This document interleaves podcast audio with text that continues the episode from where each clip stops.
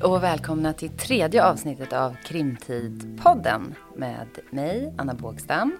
Och mig, Rebecka Edgren Aldén. Tjoho!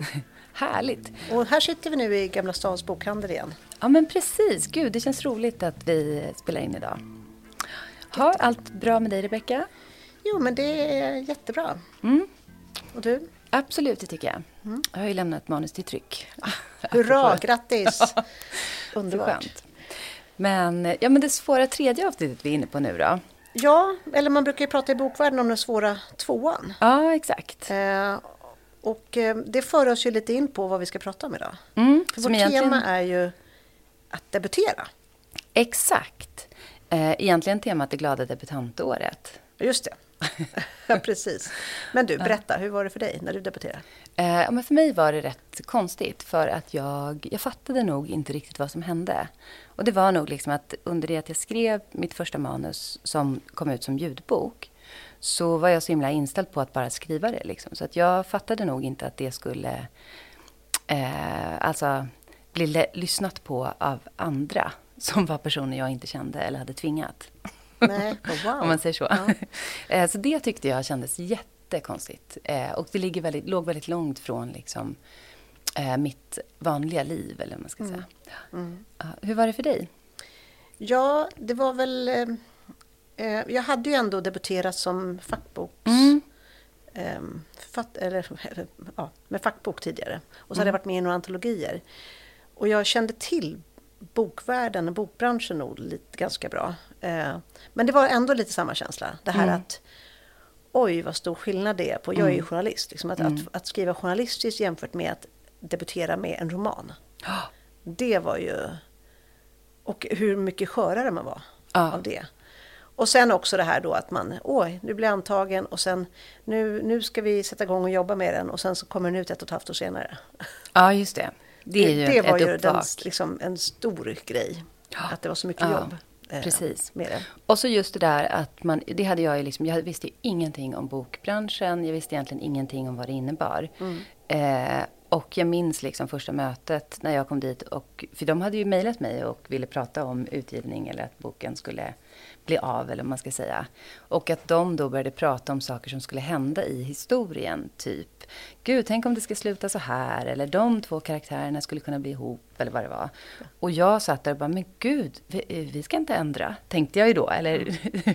men sen förstod jag ju vad det innebar och mm. vad alltså, otroligt eh, glad för det arbetet. Men det som jag liksom inte hade fattat var ju att själva processen börjar när man blir antagen. Det är då man börjar skriva om manuset och förfina det. Och ja, liksom... och det är det som någonstans är det så otroligt fina med att bli antagen. Ja. Att man får den här proffshjälpen. Exakt. Att förädla. Det liksom går från en, ett manus till ja. en färdig bok. Ja. Och det är det man liksom inte fattar med ett förlag. Eller jag fattade inte det. Att det är egentligen typ den bästa läroskolan man kan ha. Ja, verkligen. Eh. Ja, men vi har ju pratat om den här liknelsen med att vara gravid. Mm.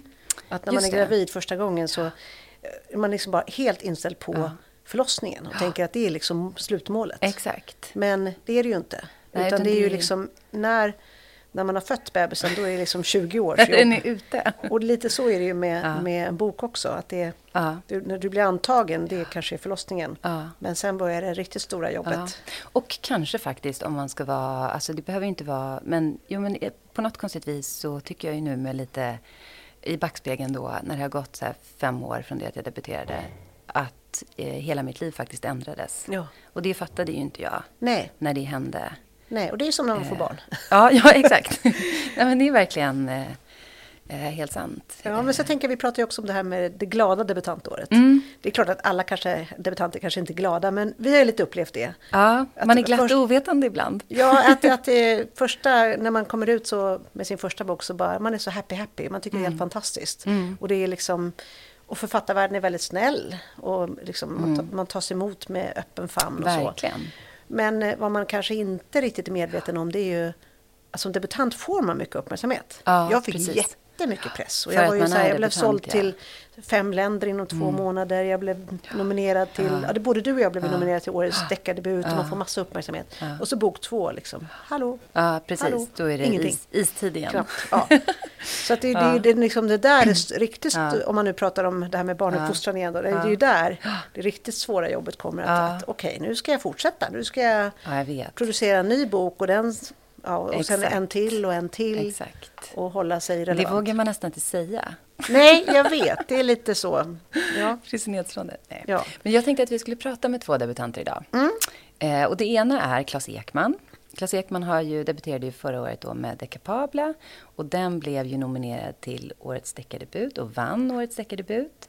Och sen blev den också nominerad till Årets bok, där den kom tvåa. Ja, det är helt fantastiskt. Så han har haft en fantastisk ja. resa med den. Det är superkul. Eh, och för den som inte vet vem Claes Ekman är så är han ju journalist, eh, förläggande redaktör. Alltså han har ju gjort allt möjligt och ja. har egentligen kanske då jobbat ett ganska långt liv med att skriva i någon form. Verkligen, verkligen. Eh, men, men det här är ju hans första skönlitterära debut. Ja. Eh, så det blir superkul. Och sen så tänkte jag att vi skulle prata med Linda Ståhl som mm. också debuterade förra året med Syndaren ska vakna. Som också blev nominerad till Årets Exakt. Så nu har vi, och hon har ju också fått fantastiskt mycket uppmärksamhet. Och bra kritik. Ja, absolut. Eh, väldigt väl mottagen mm. bok. Eh, Precis. Och det är ju, jag är ju jättenyfiken på mm. hur, hur dels hur de, deras väg till att bli antagna men mm. också hur det kändes under det här liksom, debutåret och förstås hur tar man det vidare? Ja. Jag vet ju att Linda kommer med sin bok två ja. nu. Och Claes är också på gång. Att det, hur har det varit? Exakt. Ja, det är ju superspännande. Ja, men vi tar in dem. Ja, det gör vi. Ja. Okej, varmt välkomna till Claes Ekman och, och Linda, Ståhl. Ståhl. Det kan ju ha vara några som har missat de här två böckerna. Så jag tänkte bara att ni kort får berätta om era debuter. Linda, vill du börja? Syndaren ska vakna. Vad är det för bok? Absolut. Ja, men Syndaren ska vakna det är ju en eh, deckare. Eh, jag skriver spänning och eh, den börjar egentligen med att en framgångsrik mäklare, Harald Tengbom, kommer hem en dag lite tidigare från sitt jobb och ska överraska sin fru med en champagnelunch. Hon är inte hemma och ganska snart så blir han konfunderad över var hon kan tänkas befinna sig. Han är van vid att hon oftast är hemma. Eh, så att när det börjar bli kväll och klockan har passerat sex då hon vanligtvis har middagen färdig så hör han av sig till polisen eh, som väl först inte riktigt tar hans oro på allvar. Eh, men när de så småningom gör det så uppdagas det att en granne har sett Yvonne och hans fru föras bort med en bil i grannområdet. Så då börjar ju sökandet efter den försvunna Yvonne. Och i samband med det så ja, bubblar det upp en del eh, hemligheter till ytan om Yvonnes liv. Hon har kanske inte riktigt varit den här stillsamma hemmafrun som alla runt henne har trott. Eh, och eh, ja, poliserna då som, som nystar i det här fallet eh, befinner sig på eh, Vellinge polisstation eh, och mina huvudkaraktärer där är Estrid Berg och Rub Telander. Eh, och Rub är ny på sin post som kriminalkommissarie vid Vellingepolisen. Har lämnat en, eh, en tjänst vid Jönköpingspolisen bakom sig och flyttat söderut. Eh, och Estrid, hon är höggravid eh, och har lite, lite issues kring det kan man väl säga. Hon vet inte riktigt vem som är pappan till barnet i magen. Hon är lite osäker på om det är hennes nya sambo eller om det är hennes ex. Så det är ju ett litet dilemma. Eh, och parallellt då med den här historien som utspelar sig i Höllviken, där jag är uppvuxen, så eh, finns det en författare som heter Alex Karsén som befinner sig i Stockholm. Hon eh, skriver rätt så kontroversiella böcker om mäns våld mot kvinnor. och på grund av det så får hon utstå ja, men rätt mycket trakasserier och hot. Så hon flyger lite under radarn. Men hon läser hur som helst i tidningen om det här fallet med den försvunna Yvonne och börjar lite bilda sig sin egen uppfattning kring vad det är som kan ha hänt. Det är väl lite så i korta drag. Ja, jättebra sammanfattning. Mm. Och Claes då, det kapabla? Uh, ja, det är väl någon sorts uh, jag försökte bara egentligen skriva det mest, uh, jobb, mest jobbiga otrohetsdrama jag kunde komma på. När man, när man, inte ens vill vara ihop med den som man är otrogen med längre. uh, Absolut. Och det är väl det det handlar om.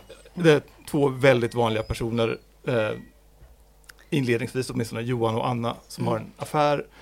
Eh, och sen så ska, de, eh, så ska den avbrytas på, enligt, för att eh, Anna av diverse skäl tycker att hon behöver göra det. Dessvärre så råkar de vara med om en grej um, alldeles direkt efter att de har gjort slut som gör att de ändå måste ha lite kontakt med varandra, betydligt mer kontakt än vad de öns önskar. Uh, och sen så rullar det bara på helt enkelt. Så det är en del ond bråd död och, eh, och, och inte helt lyckade relationer. Så kan man sammanfatta det. Det är så härligt när du säger så här, sen rullar det bara på. Jag skulle vilja säga, sen bara eskalerar det. Neråt. Ja. Ja, en liten knuff och sen så, Ja. Men, men feel bad kan man ju verkligen säga ja, kan- ja, om deras liv. ja den, jag vet inte, det är inte så mycket typ den lilla bokhandlaren eller vad allt vad de, bokhandeln. Nej, inte så mycket. Lite motsats. Men jag tänker båda era böcker ha- har ju någonting verkligen speciellt. Mm. Ehm, och det är kanske därför de blev så framgångsrika också. De här Klas, din är ju verkligen vanliga människor som gör, fattar dumma beslut och så fattar de ännu fler eh, dåliga beslut för att ta sig ur den där första situationen och sen bara brakar det åt helvete. Ehm, det, om, ja, håller du med om den beskrivningen? Ja, ja. Lite så. All, alla mina favoritböcker och filmer handlar ju om det. Så, Ja. att, eh, Det är en fascination kring... Och sen är den otroligt samhälls... Alltså den är ju på pricken. Man känner ju igen de här äh, nutidsmänniskorna. Så, ja, de, de, de, det är jätteskickligt gjort. Och jag tänker Linda, du har ju fått så otroligt mycket uppmärksamhet för din huvudkaraktär. Mm. Kan du berätta om Ja, Ru- Rub Telander tänker du på, Ja. eh, som ju är icke-binär eh, och eh, identifierar sig som hen. Eh, och ja, men, upprinnelsen till Rub var egentligen att jag hade börjat skriva om en polis som var kvinna. Eh, och hade väl skrivit kanske en 50-60 sidor sådär. Eh, och så bestämde jag mig för, jag tror jag hade sett något program på tv som handlar mycket om det kvinnliga och det manliga perspektivet. Så tänkte jag, men jag bara testar att byta namn på den här kvinnliga polisen. Jag stoppar in då Kalle istället för Stina, eller vad det nu var. Eh, utan att ändra på någonting annat. Och insåg att det funkade inte så bra. Att jag insåg att jag behövde skriva om så mycket hur man ser på, ja, på livet och om man påträffar ett lik så ser man på det på helt olika sätt om man är man eller kvinna. Um, och så blev jag lite fascinerad av det där att vi är så snabba på att dela in människor i fack och vi börjar ju oftast med det manliga eller det kvinnliga utan att kanske ens tänka på det. Uh, Så då tänkte jag, men vad händer om jag skriver om en person som är varken man eller kvinna? Eh, Och då formades Rub i mitt huvud. Eh, Och sen så var jag ju samtidigt lite skraj för jag tänkte att men jag, jag som kvinna kan jag skriva om en person som är icke-binär på ett trovärdigt sätt. Eh, Kände att det var kanske lite så att sticka ut hakan. Men jag ville göra ett försök och gjorde det och det blev ja, Rub Telander. Mm. Mm. Men skulle, skulle du vilja säga att det här var en av anledningarna till att du blev utgiven? Fastnade förläggarna för det här? Ja, men jag tror absolut att det var en bidragande faktor. Eh, när jag skickade in mitt manus så, så var ju, och Norstedts då som nappade, min, min förläggare Erika då tyckte ju att det var väldigt spännande att, att få följa Rub. Sen, sen har jag ju jobbat väldigt mycket med Rub innan det blev den personen som man får träffa i Syndaren ska vakna. Ehm, så dels, dels det, men också att, ehm, att eh, man var väldigt förtjust i ja, men miljön i Höllviken och platsen och så. Den är ju lätt att tycka om. Ja men vilken tur. Måste jag lite, lite partiskt bara säga. Ja. Anna skriver också om Skåne. Ja, ja verkligen.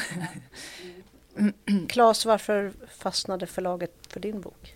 Eh, jag tror mest att de tyckte att den var eh, ro- rolig och, eller, och, och, och spännande och att det kanske inte riktigt var eh, absolut mest vanliga upplägget.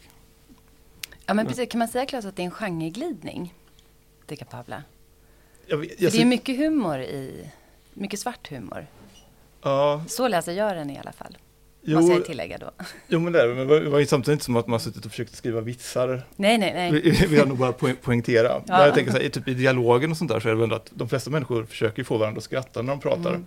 Mm. Eh, det tycker jag väldigt sällan märks i, så här, i skönlitterära böcker. böcker Mm. Utan då är det mer att folk sitter och är all, allvarliga och dricker kaffe. Mm. medan man, jag, jag vet inte riktigt, jag är uppvuxen på landet och där har jag hållit på, på, på, på skämtar hela tiden oavsett vad som har hänt. Om, har man fått cancer, då drar man lite skämt. Mm. Mm. Om, om det och kan på något sätt hitta någon sorts ton. Så Mm. jag, tror, jag tror mer bara jag försökte fånga lite hur folk pratar och hur folk eh, eh, tänk, eller som jag tänker sig att folk kan tänka när ingen, eh, när de inte vet att någon vet vad de tänker. Ja, men precis. Jag, är- jag är lite nyfiken på just er väg in, alltså till att bli antagna. Kan du berätta lite, Linda, hur, hur var det? Hur lång tid tog det? Fick du massa refuser först? Eller hur gick det? Och den där frågan är så svår, liksom, hur lång tid tog det? För då ska man ju börja nysta någonstans i att, ja men när började jag skriva? Jag vet inte hur länge du har hållit på att skriva Klas. Men... Ja, det vet inte jag heller. Nej. Eh, Klas, i introduktionen tror jag att vi sa ett helt liv. Ja, Kan det stämma? ja, men, ja, men typ sen, som man började lära sig rita i alla fall. För jag gjorde nog serier först tror jag. Mm. Jag har Ja. också skrivit väldigt länge olika typer av texter. Eh, Men när jag på allvar bestämde mig för att jag skulle prova i alla fall att skriva en bok, om vi börjar där någonstans då. ehm, Så, eh, ja men det... Gud, vad skrev jag egentligen då höll jag på att säga. Men, men ehm, jag började i alla fall med att eh, kolla en bok som jag hade i bokhyllan. Jag vet att det var en Lisa Marklund-bok som jag drog ut. Och så räknade jag antalet ord på ett antal sidor. Och sen så gjorde jag någon slags överslagsräkning och kom fram till att okej, så här många ord krävs det för att det ska bli en bok. Fixar jag att skriva det? Det var på den nivån. Eh, och då tänkte jag att ja, men det, det fixar jag nog. Eh, och sen mitt allra första manus som jag skickade in till förlag, det blev ju refuserat. Eh, och det blev ju mitt andra manus också. Eh, så jag tänker att om det sitter folk och lyssnar på den här podden som har skrivdrömmar så är väl mitt liksom bästa tips att inte ge upp. Och man blir ju faktiskt bättre, tänker jag, ju mer man skriver. Jag hoppas Mm. det i alla fall. Ja, men precis. För Syndaren ska vakna är egentligen ditt andra manus, va? Ja, precis. Eh, uppföljaren eh, är ju egentligen manuset innan, men som jag har eh, modifierat om och placerat efter i tiden. Mm. Mm, vad spännande. Men, men bara för att återknyta till hur det gick till då. Du skickade in liksom traditionellt till förlaget och så fick du typ ett mejlsvar, eller hur? Eller blev du uppringd, eller hur liksom funkade det? Ja, men med syndaren så ehm, då hade jag ju ändå ett par refuser i bagaget så jag kände att ja, men jag kanske ändå ska ta in någon sorts proffshjälp innan jag ändå skickar in manuset. Så jag anlitade en lektör eh, som gav mig jättefin eh, feedback så att jag kunde jobba vidare med manuset. Och sen när jag kände att det var, nu kan det inte bli bättre bara genom att jag jobbar med det själv. Då valde jag ut fem så här, drömförlag, ja men de här skulle jag verkligen vilja bli utgiven på. Eh, så jag börjar att skicka till dem, tänkte jag. Så då skickade jag in till de fem förlagen eh, och sen så gick det väl en tre, fyra veckor. Och sen hade jag ju fått ett mail som låg i min skräpkorg. Är det sant? Ja. Så jag hade ju rätt hög puls när jag insåg att det hade gått så två dagar från att jag hade fått det till att jag skulle svara på det. Och då tänkte jag, nu har de, nu har de ångrat sig. Ja, Men jag tänkte, gud de tycker att jag har jättemycket is i magen och ska spela så här svårflörtad. Ehm, För det gör man ju ofta då. eller hur, eller hur? Ehm, men då var det ett mejl från Norstedts som eh, gärna ville träffa mig på ett möte. Och hur kändes det? Ja men det var ju, jag blev ju helt stirrig. Ehm, min man sitter här i publiken så han vet ju ungefär hur stirrig jag blev. Ehm, men vi bokade in det där mötet och eh, jag skulle ju egentligen då träffa Klara som eh, sitter i publiken här också. Eh, men hon hade blivit sjuk så jag fick träffa en annan förläggare som heter Erika Degard som sen då blev min förläggare på Syndaren ska vakna. Eh, och detta var precis någonstans där i, i brytpunkten, pandemitiden satte igång. Så jag vet att när jag kom till Norstedtshuset så var det i princip bara Erika där. Så det var som ett stort så här, spökhus som jag kom in i. Men bland det första hon sa på mötet det var att ja, men vi har läst ditt manus och vi skulle vilja ge ut det i alla format. Vilken känsla. Ja, det var verkligen en känsla. Jag minns inte så mycket mer av det mötet faktiskt. Ehm, ja. Ja, vad härligt. Claes, hur var det för dig då? Eh, Jag hade det lite annan gång i och med att jag eh, faktiskt hade agenturer först. Just det. Men hur fick du agenturen först då? Eh, ja, men det var ett möte på bo bokmässan för jag höll på, hade spökskrivit lite böcker innan. Eh, och sen så träffade jag Tor som min agent heter på Salomonsson. Eh, och de, behöv, de, de hade tänkt sig att de behövde någon spökskrivare. Eh, men då hade jag precis gjort ett kaosprojekt med eh, Ken Ring, så jag hade tänkt att jag aldrig mer skulle ha, skriva någon bok med en levande person. Eh, utan att det var antingen var döda eller påhittade. Där, efter en, en, lång rad komplicerade män, skulle man kunna säga. Så att, eh, men jag hade några, så här, några, lite, några lite lösa bokidéer som jag ville göra, så jag tog och pitchade dem istället när vi tog möte efter bokmässan. Och då på den vägen blev, blev det. Men, men det här var väl egentligen ingen lös bokidé? Jag tänker att eh, du hade ju ändå skrivit det här manuset då. Ja, ja, I ganska stor del. Ja. fast den var nog inte så påbörjad. Jo, Eller kanske vi har ju suttit och läst ja, alltså, Vi har ju gått en skrivarkurs. Ja, just det. så den var ju påbörjad. Okej, okay, ja, ja, ja, ja. Men jag har ju gått äh, som Sören Bondesson. Ja, ja, ja, precis. Jag tänker vi hade kämpat på där i några år. Ja, ja det hade jag ju förstås. Men först med en, en eh, ett första kaosprojekt som, eh, som jag tror inte ens, eller kanske skickade in det, men det var eh, nog tur för alla att det inte blev utgivet i alla fall. Men eh, man, man ja. lär sig väldigt mycket på hur man inte ska göra genom att skriva en bok som absolut inte ska bli utgiven innan. ja, precis. Men, men, när kom ditt, liksom det här Hallelujah moment? Då, som, var det när du blev när Tor tog sig an dig eller Salmonsson eller var det när de sen placerade dig på ett bra förlag? Ja, men det var nog, alltså, det var väl flera såklart men det, det är ju en helt annan sak när någonting har blivit av. Så att det är liksom, mm. ja, nu, nu har förlag, boken kommer ut så att det är mer det här när, när boken blir är färdig och tryckt och man typ har den i handen som jag tycker är det stora. Allt annat är ju bara, ja men det är ungefär som att prata om semester, semestern nu till sommaren. Ja, precis. Abstrakt. Ja, helt abstrakta planer. Man får hoppas att världen finns kvar. Liksom. Mm. Men, men där, när man väl hade boken i handen så var jag med, oj då. Ja. Mm. Sen vågade jag inte öppna den på, jag vet, vågade du öppna den direkt? Oj, jag vet inte knappt vad jag gjorde med den. Jag minns att jag, när jag fick så första exet som hade kommit eh, ner på postombudet så hade jag den bak i bilen så satte jag bilbälte på och så lät, lät jag den åka med i bilen. Det kanske är konstigt. Men det kändes som att jag behövde ta hand om den som ett barn. Men jag vågade kanske inte heller bläddra till... Jo, bläddra gjorde jag nog, men jag har absolut inte läst den. Nej, nej, Sen nej. den kom ut som bok, alltså så, från pärm till pärm. Nej, nej, inte, nej man har väl läst den för ja, gånger. antagligen. Innan, tänker jag. Nej, jag, jag var nog, jag har nog jag var så här jätteglad och sen bara, jag ska inte öppna här för kommer jag se något så kommatecken som hamnat fel. Och så, så mm. Mm. Men, men eh, pandemi, eller pandemiåret, jag men, för det var det ju också. Mm. Men, men debutantåret, kunde ni liksom föreställa er hur det skulle vara? Det blev ju inte riktigt som man hade tänkt sig att ett debutantår nej. skulle vara. Nej. där antar jag att du håller med. Nej men absolut. Det blev ju inte alls det där att komma ut och möta läsare och så. Man var ju väldigt instängd under sitt mm. debutantår. Får man men, säga. men jag tänker att det hände mycket andra saker under debutantåret. Att böckerna blev recenserade, att de blev lästa. Alltså jag tror ju att det var skitbra timing egentligen. Ja. Som, som debutant för att folk för båda våra böcker kom väl när folk hade tröttnat lite. Dels på presskonferenserna. Dels så hade man kollat klart tio Netflix-serier så att folk började läsa böcker igen vid sommaren och det kunde man ju märka i och med att jag även jobbar på förlag att man såg att det började hända grejer helt plötsligt. Så jag tror vi hade perfekt timing. Folk hade ingenting att göra. Eh, de kunde läsa böcker. Mm. Eh, och de hade om sett ögonen fyrkantiga på Netflix eller andra strömningssajter. Så att, eh, ja, men, alltså egentligen bara tur, antar jag. Kändes det otäckt då när folk började läsa böcker? läsa era böcker? Jag tyckte nog mest att det kändes så här overkligt. Jag hade svårt att ta till mig att det var min bok som folk hade läst. Eh, och sen kan man ju aldrig föreställa sig innan hur, hur, vilken typ av uppmärksamhet man ska få. Och jag menar både du och jag har ju fått väldigt mycket medial uppmärksamhet. Eh, och det är i alla fall jag väldigt glad för, för det är ett sätt att få boken att nå ut. Mm. Och där har ju framförallt, ja men det lokalmediala intresset har varit väldigt stort. Så i Skåne då för min del, men även i Tyresö där jag bor. Uh, så att det finns en viss här lokalpatriotism uh, som har varit till ens fördel, får jag väl säga. Mm.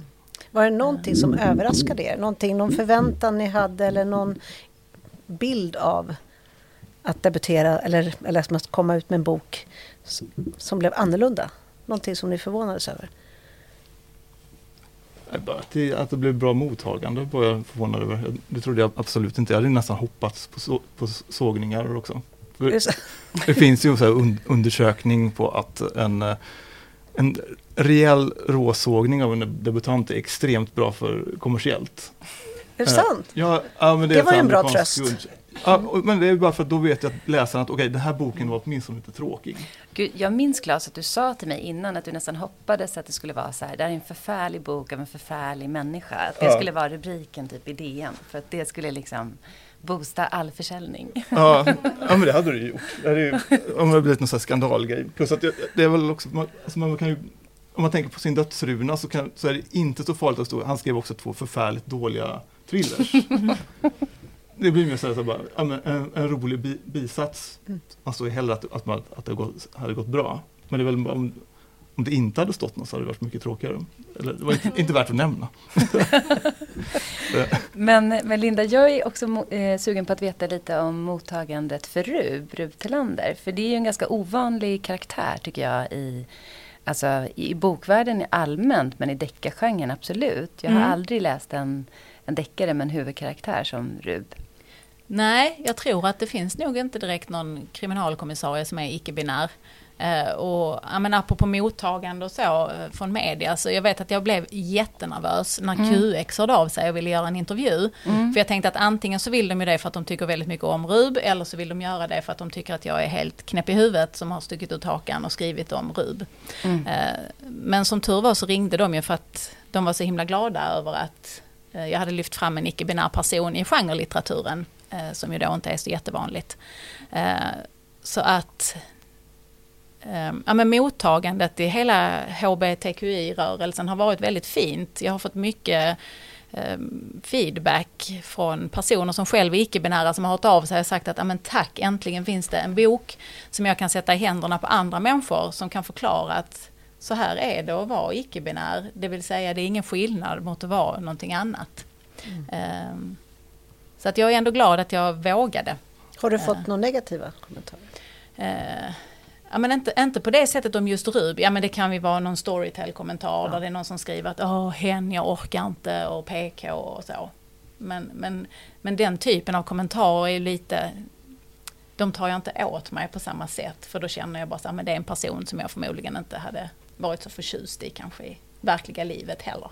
Mm. Um, vi, eh, jag tänkte när du pratade om eh, Claes att han håller i boken. Vi hade ju ett litet moment här nu precis innan vi började spela in.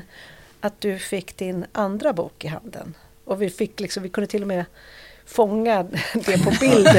Den, den eh, wow-känsla som du utstrålade där när du fick Jag vet inte om jag ska vara glad eller rädd över att det fångades på bild. Men... Nej, men jag, jag bara tänker, hur eh, skiljer det sig nu när du fick då din andra bok i handen jämfört med första? Ja, men, ja jag, jag, tror att jag har varit mer nervös inför släppet av den här boken. Därför att inför släppet av Syndaren ska vakna så hade jag på något vis ändå inga förväntningar. Um, det är klart att jag hoppades att den skulle tas emot väl, men jag visste ju inte på vilken nivå eller så. Nu, um, nu finns det ju någonting att jämföra med. Mm. Uh, och det är ju alltid lite obehagligt sådär. Uh, samtidigt känns det ju fantastiskt härligt att den har kommit, för jag har ju slitit med den länge. ja. Men man pratar ju ofta om den svåra tvåan. Mm. Var det svårt för dig att skriva bok nummer två? Um.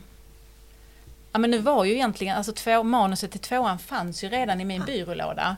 Eh, och sen har jag ju modifierat om det väldigt mycket och flyttat om så att det passar rätt i tiden och så. Men, men jag är väldigt glad över att jag hade liksom en textmassa att baka med. Eh, så att tvåan, nej, har nog inte känts så jobbig. Jag tror att jag har mer ångest inför att börja på bokprojekt nummer tre. Ah. lite så. Har du börjat? Eh, jag har börjat lite grann. Eh, och det är ju verkligen från ett blankt papper. Så. Mm. Spännande. Claes, du då? Följa upp den här fantastiska succén med De kapabla? Alltså jag kanske inte så mycket så prestationsångest men jag tycker det var skitsvårt att hitta så rätt story. I och med att jag då inte skriver någon serie. Så det är verkligen börja från, om från början. Och, eh, och i och med att man ibland måste skriva en bra bit innan man känner att det här blir inte riktigt rätt och så gå tillbaka. Så, så jag hade nog hoppats att jag skulle haft ett typ råmanus klart efter jul men nu tror jag att det blir efter sommaren. Men tänkte du då Claes att, eh, liksom, har du tänkt att, för kapabla har ju en speciell ton, de kapabla. Mm. som är lite ekmansk, eller vad man ska säga. Känner du ett, liksom ett krav på att, att, även om det inte är en serie, men att liksom läsaren måste känna igen den här tonen? Och att det, att det liksom också måste vara... Eh, för på något sätt, du har ju liksom gett eh, Feel Bad-deckare ett ansikte. och att, att, näst, att det finns en förväntan på att liksom nästa bok också måste vara en Feel Bad-deckare i samma anda. Jag vet inte riktigt om den kommer vara riktigt lika feel bad kanske. Eller kommer den väl säkert kanske, kanske lite mer sympatiska människor. Ja. Eh, tror jag faktiskt. Men, eh, Svårt kanske att göra dem mindre sympatiska också. Jag vet inte. men, men jag vet inte det, jag menar, det är inte som att jag är ett geni. Jag skulle inte kunna sätta mig nu ska jag sätta mig och skriva en Michelle Houellebecq-bok mm. eller något sånt där. Man skriver som man, man skriver. Mm. Och, och jag tror att genren kommer ju ändå vara, det, det kommer ju vara något litet eh, amatörförsök till att skriva någon så Hitchcock eller Highsmithskt eh, story. Liksom. Mm. Eh, Men du håller på med det nu, så att det kommer komma, man kan förvänta sig att det kommer en bok två eh, någon gång nästa år då, eller till och med i slutet av det här året? Jag skulle tro näs, nästa år. Mm. Eh, faktiskt. Att, men eh, ja, det känns, nu känns det som att det kommer bli bra. Mm. Roligt. Vad, vad, är ni mest, alltså, vad känner ni mest press från? Förlaget som nu har, wow, vi har världens succé här, nu måste vi följa upp det. Eller är det läsarna eller är det ni själva eller liksom, var kommer pressen ifrån? Ja, min, min, press kommer nog mest inifrån. Mm. Eh, alltså press på mig själv att jag, jag vill ju leverera någonting bra. Eh, mm. Jag vet inte hur det är för dig Claes? Jag är också helt inifrån tror jag. jag tror, jag vet allt det andra kan man inte göra någonting åt. Så man kan ju göra, göra, sitt, göra sitt bästa och antingen så gillar folk det eller inte men det, det är helt bortom ens kontroll. Liksom. Mm. Mm. Mm. Är det någonting ni hade önskat att ni visste när ni, eh, liksom innan ni debuterade eller när ni debuterade, som ni vet nu? Men jag, jag tänker väl lite på allt det här som är runt omkring.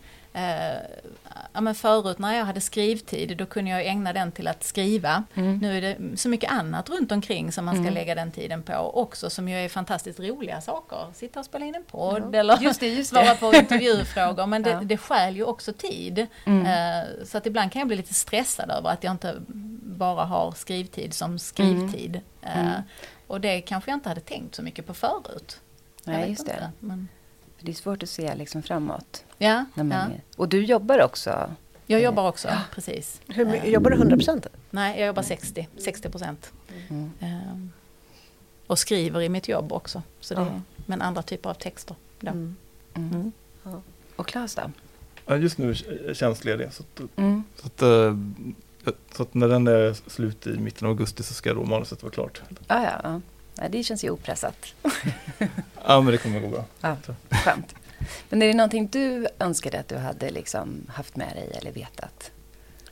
Jag vet inte, jag tror inte jag haft, alltså jag har jobbat på, eller jobbar ja, på bokförlag och, och, har även typ om gjort de här spökskrivarprojekten och så innan. Så mm. jag, jag, tror inte att, uh, alltså det går verkligen inte så att man hade is i magen men man har kanske hunnit få en ganska avromantiserad bild av uh, hur, hur det skulle vara i förlags och bokbranschen kanske. Mm. Uh, och kanske lite mindre rädd för uh, recensioner också. Ja, just det. Det är bra med sig.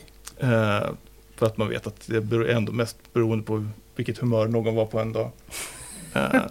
om det var när de tog upp boken på, sent på eftermiddagen eller ja. om det var på morgonen och så vidare. Det, jag tror, nej, snarare, snarare kanske um, snarare kanske det varit roligare att vara lite mer så här, någon sorts lite romantisk bild av det hela. Men, eh, men jag tänker, vad är den största skillnaden då, jämfört med dina projekt när du har spökskrivit eller när du har liksom skrivit andra texter och så, med att nu ge ut liksom sin första skönlitterära Ja, det är väl att omskrivningarna gör boken bättre. Ja. Eh, istället för att det kommer in någon och gör det sämre. Ja. Vilket okay. inte alltid, men ganska ofta är när man skriver med om andra som lever. Men fick du ja, just det. det är därför du gärna jobbar med döda i Döda eller påhittade, det är, det är min dröm. Ja. men, ja, men fick du skriva om mycket från råmanus till det De Capabla som vi nu har läst? Eh, ja, eh, kanske 90 procent eget bevåg. Mm. Eh, och eh, ja, men sen, jag, fick, jag fick jättemycket bra respons från, eh, från alla möjliga håll. Mm. Eh, och det lyssnar man ju på, för det är ju också något man lärt sig när man är på bokförlag, att det finns ju de som uh, lyssnar på redaktörer och förläggare är ju författarna. Uh, de som inte gör det har ju men kanske något, så här, något enstaka perce, någon percentil uh, undantag. Mm. så är det ju folk som överhuvudtaget inte borde ha fått för sig att skriva en bok. Mm. Jag fattar. Men det är lite omvänt där. Det här är om, den här nya definitionen av författare. Den som lyssnar på förläggare och redaktörer? Ja, men jag, jag, skulle nog, jag skulle nog säga det, för även om man inte håller med så är det ju ofta så att personen har dels har jobbat ganska många år med, med, med den här saken och att de pekar på ett eh, kanske ett stycke som, och att även om inte deras lösning eller det Exakt. de reagerar på är ett att man håller med om det så är det åtminstone bevis på att det är någonting där som man behöver tänka på två, tre eller tio gånger. Mm.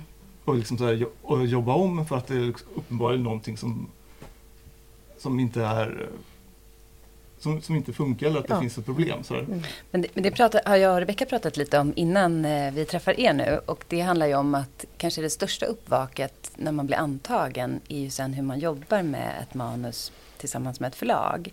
Och liksom vad det innebär i omskrivningar och mm. att hur den texten förändras. Och att man, eh, jag tror att det som jag tyckte själv var liksom den största uppvaket är ju verkligen så här att jag trodde när jag hade skrivit ett råmanus att det var det här som blev antaget. Men det är när det blir antaget som själva arbetet börjar. Så det är egentligen då liksom det som sen blir en bok formas. Mm. För att, och att det verkligen är en läroskola att vara hos ett förlag. Eh, verkligen. Känner du igen det här Linda? Ja men absolut. Eh, och sen så känner jag väl kanske lite att när man själv skriver på sitt manus så kan jag ju upptäcka att det skaver. Men jag vet inte riktigt hur jag ska komma vidare. Så jag sopar det lite under mattan mm. och sen vet ju jag att det kommer ju komma en förläggare mm. eller en redaktör som dimper ner på det där. Mm. Mm. Så jag kommer ju inte undan i slutändan men mm. eh, ibland kan det vara svårt att komma vidare på egen hand. Ja, verkligen, jag håller med om det. Och sen, det, det, det, finns ju den här sägningen som att 99 procent av alla gånger så har redaktören rätt. Ja. Och den där sista en procenten, då har redaktören också rätt. nu, man kan ta med sig det. Ja. Alltså, att, eh, ja, och då är det precis som Claes säger tycker jag, det här med att det, man kanske inte löser det precis som redaktören eller förläggaren säger, men man löser det. Mm. Liksom. Sen, sen, tycker jag att själva liksom, redigeringsfasen, jag tycker den är jättejobbig, alltså bitvis vedervärdig. Mm. Därför att någonstans, det är ju då man börjar plocka isär hela texten och man kastar upp den i luften. Jag vet inte riktigt var jag ska fånga den igen och det blir stökigt och rörigt och, och jag vill gärna ha ordning och reda och struktur och jag vet inte hur ska det här nu bli om jag börjar dra i den här tråden och ändra på detta. Och, så att man lever ju i någon sorts konstant oro över, ska jag få ihop det här igen? Um, så jag tycker det är en rätt så stressande fas, även om jag vet att det kommer mm. ut på andra sidan och blir bättre.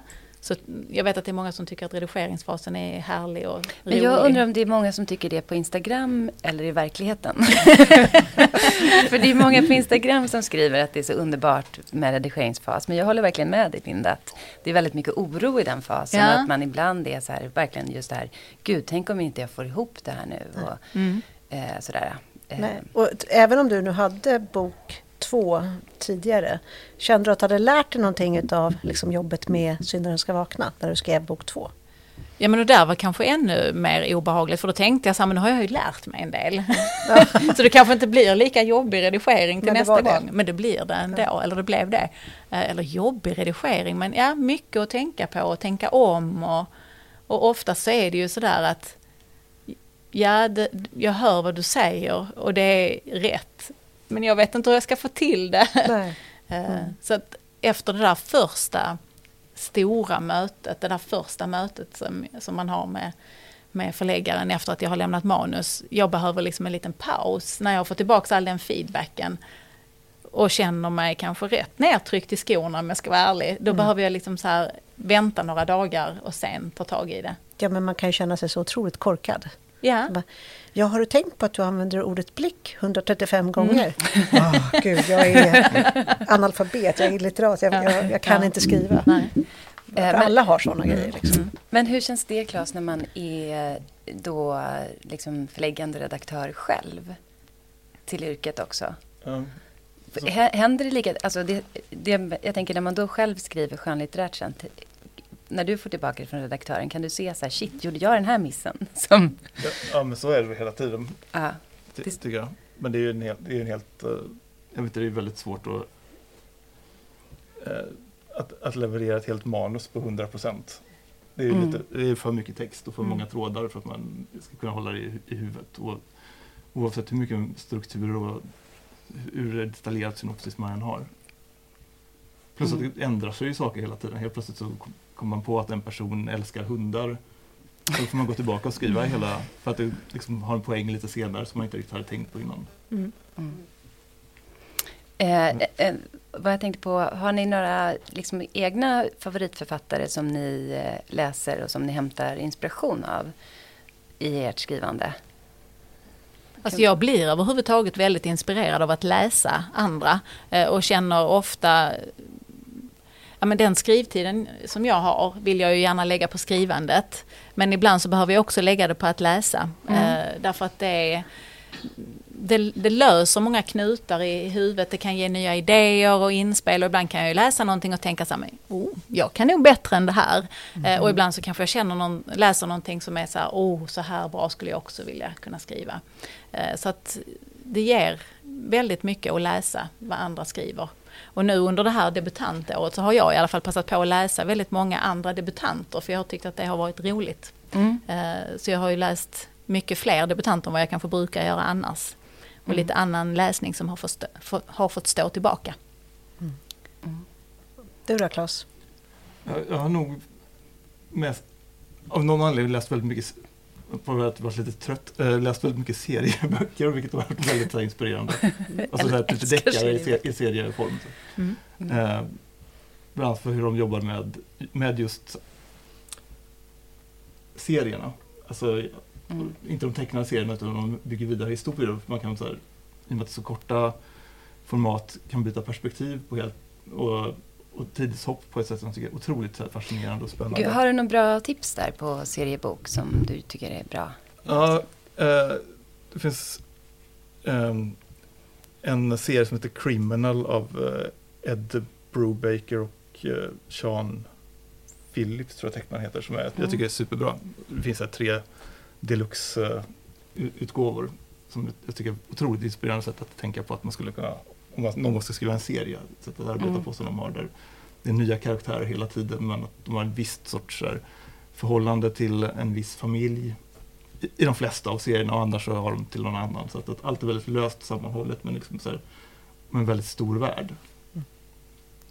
Ehm, så, så det är väl det och sen så väldigt, eh, väldigt mycket, ja, nu låter man ju som att man är så här som bara pratar om gamla bluesskivor som man har hittat i någon back. Men väldigt mycket gammal noir, typ Patricia Highsmith och James M. Cain och sådär. Och så den här franska duon som jag, nu har jag bara totalt uh, hjärnsläpp på vad de, Nasherac någonting. Uh, som, de skrev i alla fall uh, boken som låg till grund för Hitchcocks uh, studiebrott och sen så den här Diabolik, eh, också en gammal klassisk fransk skräckfilm, som, eller, eller Bok. tr- thriller. Mm. Som, eh, och de skrev böckerna låg till, till grund för dem. Su- superbra storytellers. Mm. Ja, bra tips. Eh, Jag tänker också på, du jobbar 60% nu Mm. och eh, du var tjänstledig just nu. Mm. Drömmer ni om att skriva på heltid? Jag är lite rädd för att skriva på heltid. Eh, Det är ju ett rätt så ensamt yrke, även om man jobbar tillsammans med ett förlag och har en förläggare och en redaktör att bolla med. Så ja, men det kanske man gör 10-15 procent av tiden. Resten av tiden så sitter man ju där själv med sitt manus och, och ska grotta ner sig i det. Så för min del så tycker jag att det är rätt så härligt, eller väldigt härligt, att få komma till ett jobb där jag får vara social och umgås med folk. Och det ger mig också inspiration. Eh, Det här att vara ute i det verkliga livet och ja, träffa mina kollegor som jag tycker väldigt mycket om och så. Så att jag tror inte jag har det som en sån där dröm där någonstans framme. Sen vet, kan man ju aldrig svara på hur det blir på sikt. Men just nu så tycker jag att jag har den bästa av två världar. Hur känns det för dig Claes? Jag tror det var en, en mardröm att skriva på heltid. jag, har in, jag har inte det, inte det psyket. Nej. Absolut inte. Uh, nu har jag varit känslig ett tag. Jätteskönt. Det är en mardröm. Du lever i en mardröm. nej, okej, okay, jag lever inte i en, en mardröm just nu för att det är begränsat. Men skulle det alltid vara så här så mm. hade det varit en... Jag vet inte riktigt. Ja, men vad är vad de säger om besvarade böner? Mm. Uh, nej, jag, jag, tror, jag tror definitivt dels att man ska träffa människor, ha kollegor och att, att det är så ganska skönt när det är när, när här skrivandet blir lite av en, av en lyx. Mm. Mm. Och jag upplever att jag är mer disciplinerad också. Mm. När jag vet att okej, okay, de här ja. timmarna i veckan har jag avsatt för skrivande. Bommar jag dem så har jag bommat rätt mycket tid. Mm. Så att det är ju ner mm. på rumpan och skriva när det väl är skrivtid. Mm. Ja, men jag håller verkligen med. För jag tänker, var ska man få inputen ifrån? Var ska man få liksom Mm. Man måste ju träffa de människor man ska skriva om. Mm. Ja, precis. Verkligen. Ja, precis. Det finns inget som är så inspirerande som en arbetsplats. Om man tänker att man vill ha inspiration för så här grogrund av konflikter och folk som kommer in i ett rum och krockar med varandra och har olika agendor och sådär. Mm väldigt lyckosamt med kontor då, tycker jag. Fast, fast där måste jag ändå säga att, att jag tycker ju att verkligheten är extremt överskattad så för när det kommer till inspiration. För alla grejer som jag har fått stryka och som har blivit ifrågasatta och sagt att det här, det här är för, det här är fan, det här är buskis eller så vidare. Ja, det är, det är verkligheten. Ja, det är exakt det ja, som, det, det som verkligen har hänt ja. och det som folk har jag, sagt till andra människor på ett möte eller så vidare och som har snott det och folk bara ah, Nej, nej, nej nu. Det har faktiskt hänt mig med varje, att man får så här, men så här pratar inte folk. Man bara, fast de gör ju det på riktigt. Ja. ja. men jag har sådär också, ingen är så, så jävla idiot att den skulle påstå något, något sånt till en. Bara, eh, jo men eh, det, jag känner en som jag hörde. jag liksom, alltså, alla grejer som har varit så här, man bara tänkt, perfekt, det här, är, det här bara, måste rakt in. Ja. Allt alltid strukits. För att eh, liksom, så här, verkligheten är för uh, bananas. Folk är för konstiga, säger för taskiga saker och ingen känsla och så vidare. Det, helt, det finns ingen äh, litterär trovärdighet i verkligheten. äh, ingen alls. Jag märkte nu att du vaknade till också, Claes, när det här ämnet kom upp. Men jag kan verkligen hålla med här. Våra gäster som vi har i podden, de får alltid ställa en fråga till nästa gäst som kommer. Så nu kommer både Claes och Linda få en fråga som Camilla Grebe har ställt. Så nu kommer jag börja med dig Linda. Och då är ju frågan, vilken bok önskar du att du hade skrivit? Ja, det finns kanske många böcker som man önskar att man hade skrivit. Men så tänker jag lite så här, fast om jag hade skrivit den så hade den kanske inte blivit lika bra. bra så att eh, ja, men jag, jag passar på den helt enkelt. Passar jag passar på den. Alltså visst, det hade ju varit häftigt om man kunde slänga fram så här, ja, här ligger Bröderna Lejonhjärta, den har jag skrivit. um, men jag tänker ändå att uh, rätt författare till rätt bok, det är nog ändå det bästa. Mm. Och Claes då? Uh, jag tänker nog att, alltså, det är klart, jag hade ju gärna skrivit Richard Yates Revolutionary Road som är en perfekt rom roman, tycker jag. Mm. Helt fantastisk. Men uh, samtidigt så skulle jag nog inte vilja vara personen som har skrivit just den rom romanen, för att det, det tror jag inte att någon vill vara heller. Så jag, jag skulle, alltså ska man ta det så, så vill man, hade jag hellre, ska jag säga, någon Lennart Hellsing-bok. För jag tycker han verkar ändå ha ganska, han blev han blev gammal, han rökte mycket. det är de kriterierna. Och, alla älsk, och alla älskade det och ja. jag vet inte, det känns inte så plågat som jag tror att Richard Yates ja. var. Med all respekt för att jag inte vet så mycket om Lennart Helsings liv med att han hade fina kostymer och rökte, rö, rökte som en borstbindare och ändå blev gammal. Och, och, ja. och ändå så här, gjorde catchy stuff. Lite målsättning. Ja. Mm. Har ni någon fråga till vår nästa gäst som ska komma? Ni kommer inte veta vem den här gästen är. Det är Nej, det som är det fina med hemligt. att ställa den här okay. frågan. Mm. Som är relaterad då till böcker och skrivande. Har du någon idé, Claes? Det är väl någonting vad personen får sig skämmas för mest. Mm. Som, mm. Den, har, som den, hen har skrivit och, eller ljugit om mest på Instagram. Ja. ja. Vad har du ljugit mest om på Instagram? Mm. Det är väl en bra fråga. Ja. Jag älskar redigering. Exakt. Men alla för, jag får känslan att de flesta författare ändå föredrar Instagram just för att man inte behöver skriva så jävla mycket. Mm. Ja, så det känns som att alla finns där men inte riktigt, nu jag orkar inte ens gå in på Facebook längre. Så, men det är väl Instagram. Mm. Ja, jag skulle ja. säga att det är mycket Instagram. Ja, men ska, man säga, ska man ta det så vi får just det här att folk älskar redigeringsprocessen på, mm. på Instagram. Mm. Vad ljuger du mest om för, för läsarna på Instagram? Mm. Jag har en fråga till dig Linda också nu. Eh, för nu är ju det inte långt kvar tills andra delen i serien om Rut Telander kommer. Alltså Nej. Alltså Elden ska falna. Mm. Eh, och för oss nu som har eh, längtat efter den, vad kan man förvänta sig här? Vad händer vad, vad ställs Rub inför? Ja, vad kan man få förvänta sig? Ja, men ja. Man får ju fortsätta följa Rub mm. och Estrid. Eh, och sen så kommer man även att få följa en av de andra poliserna lite mer, Klas mm. Trygg. Eh, men lite kort så vad den handlar om. Egentligen så handlar den om en kvinna som heter Somaye. Mm. Eh, som kommer ensam till Sverige som flykting från Afghanistan. Och eh, ja, men, hennes utmaningar eh, för att försöka bli en del av det svenska samhället.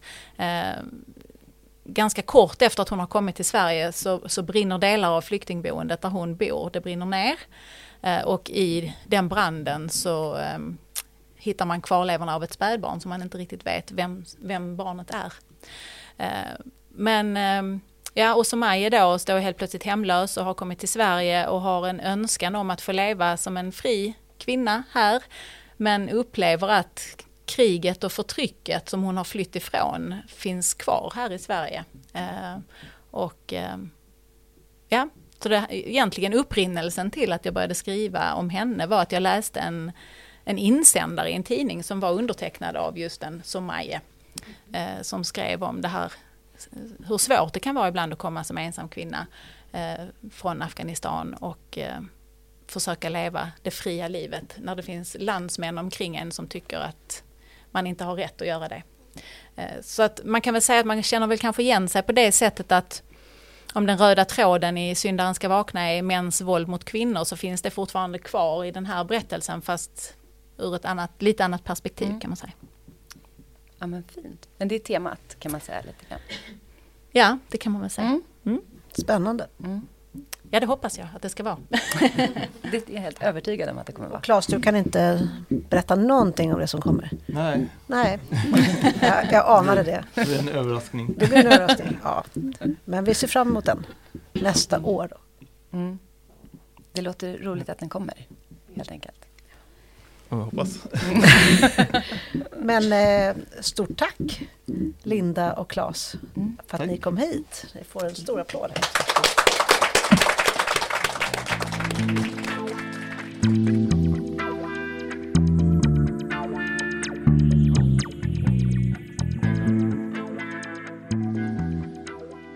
Men nu har vi pratat med Claes och Linda lite om hur det var att följa upp sin debut och vad det innebär. Eh, och jag tänkte på det, vi pratade ju även med Malin ganska mycket om det, hur det är att följa upp en dundersuccé Malin som man Persson har. Giolito. Precis. Mm. Eh, och någon som också hade en enorm succé var ju Mattias Edvardsson med En helt vanlig familj. Eh, så jag var lite nyfiken på hur hans erfarenhet såg ut. Så jag ringde upp honom för att kolla om han kände samma som Malin när han skulle fortsätta efter den boken. Och så här lät det. Ja, för första gången så eh, i mitt skrivande så eh, hade jag ju problem. Jag tyckte att det var jobbigt och det var inte alls så roligt att skriva längre. Eh, jag har alltid bara skrivit på ren lust men ehm, jag har också drivits kanske av det där att nästa bok, då ska jag slå igenom, då ska det bli succé. Och nu hade det då blivit en succé och då fanns det plötsligt en helt annan ingång att eh, nu måste jag skriva någonting som är lika bra. Och eh, det blev jobbigt på ett helt annat sätt och jag började att snegla på Eh, allt möjligt som jag inte har gjort tidigare. Eh, jag började titta på hur, jag, hur har den här författaren gjort och jag, jag läste en massa eh, skrivhandböcker och sådär om så här måste man göra. Och jag frångick liksom mitt vanliga, jag litade inte på min egen process. Um, så att jag skrev och skrev. Eh, jag hade dessutom fått en deadline från mitt amerikanska förlag eh, som jag inte jag hade inte skrivit på deadline så tidigare så att det gjorde ju också att jag fick en extra tidspress. Och eh, när jag väl eh, hade fått ihop eh, en, ett första utkast så var det ju faktiskt så dåligt så att jag bestämde mig för att kasta de där hundratusen orden som jag hade skrivit och eh, faktiskt börja om från början och, och liksom bara gå på lust så som jag hade gjort tidigare. Eh, så till sist så blev det eh, en uppföljare.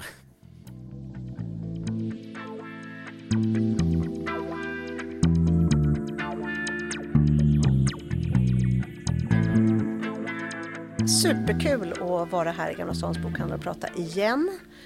Och snart kommer nästa avsnitt och då ska vi spana lite på varför Norrland är så hett inom spänningslitteraturen och träffa Sara Strömberg. Ja, det här har man ju undrat.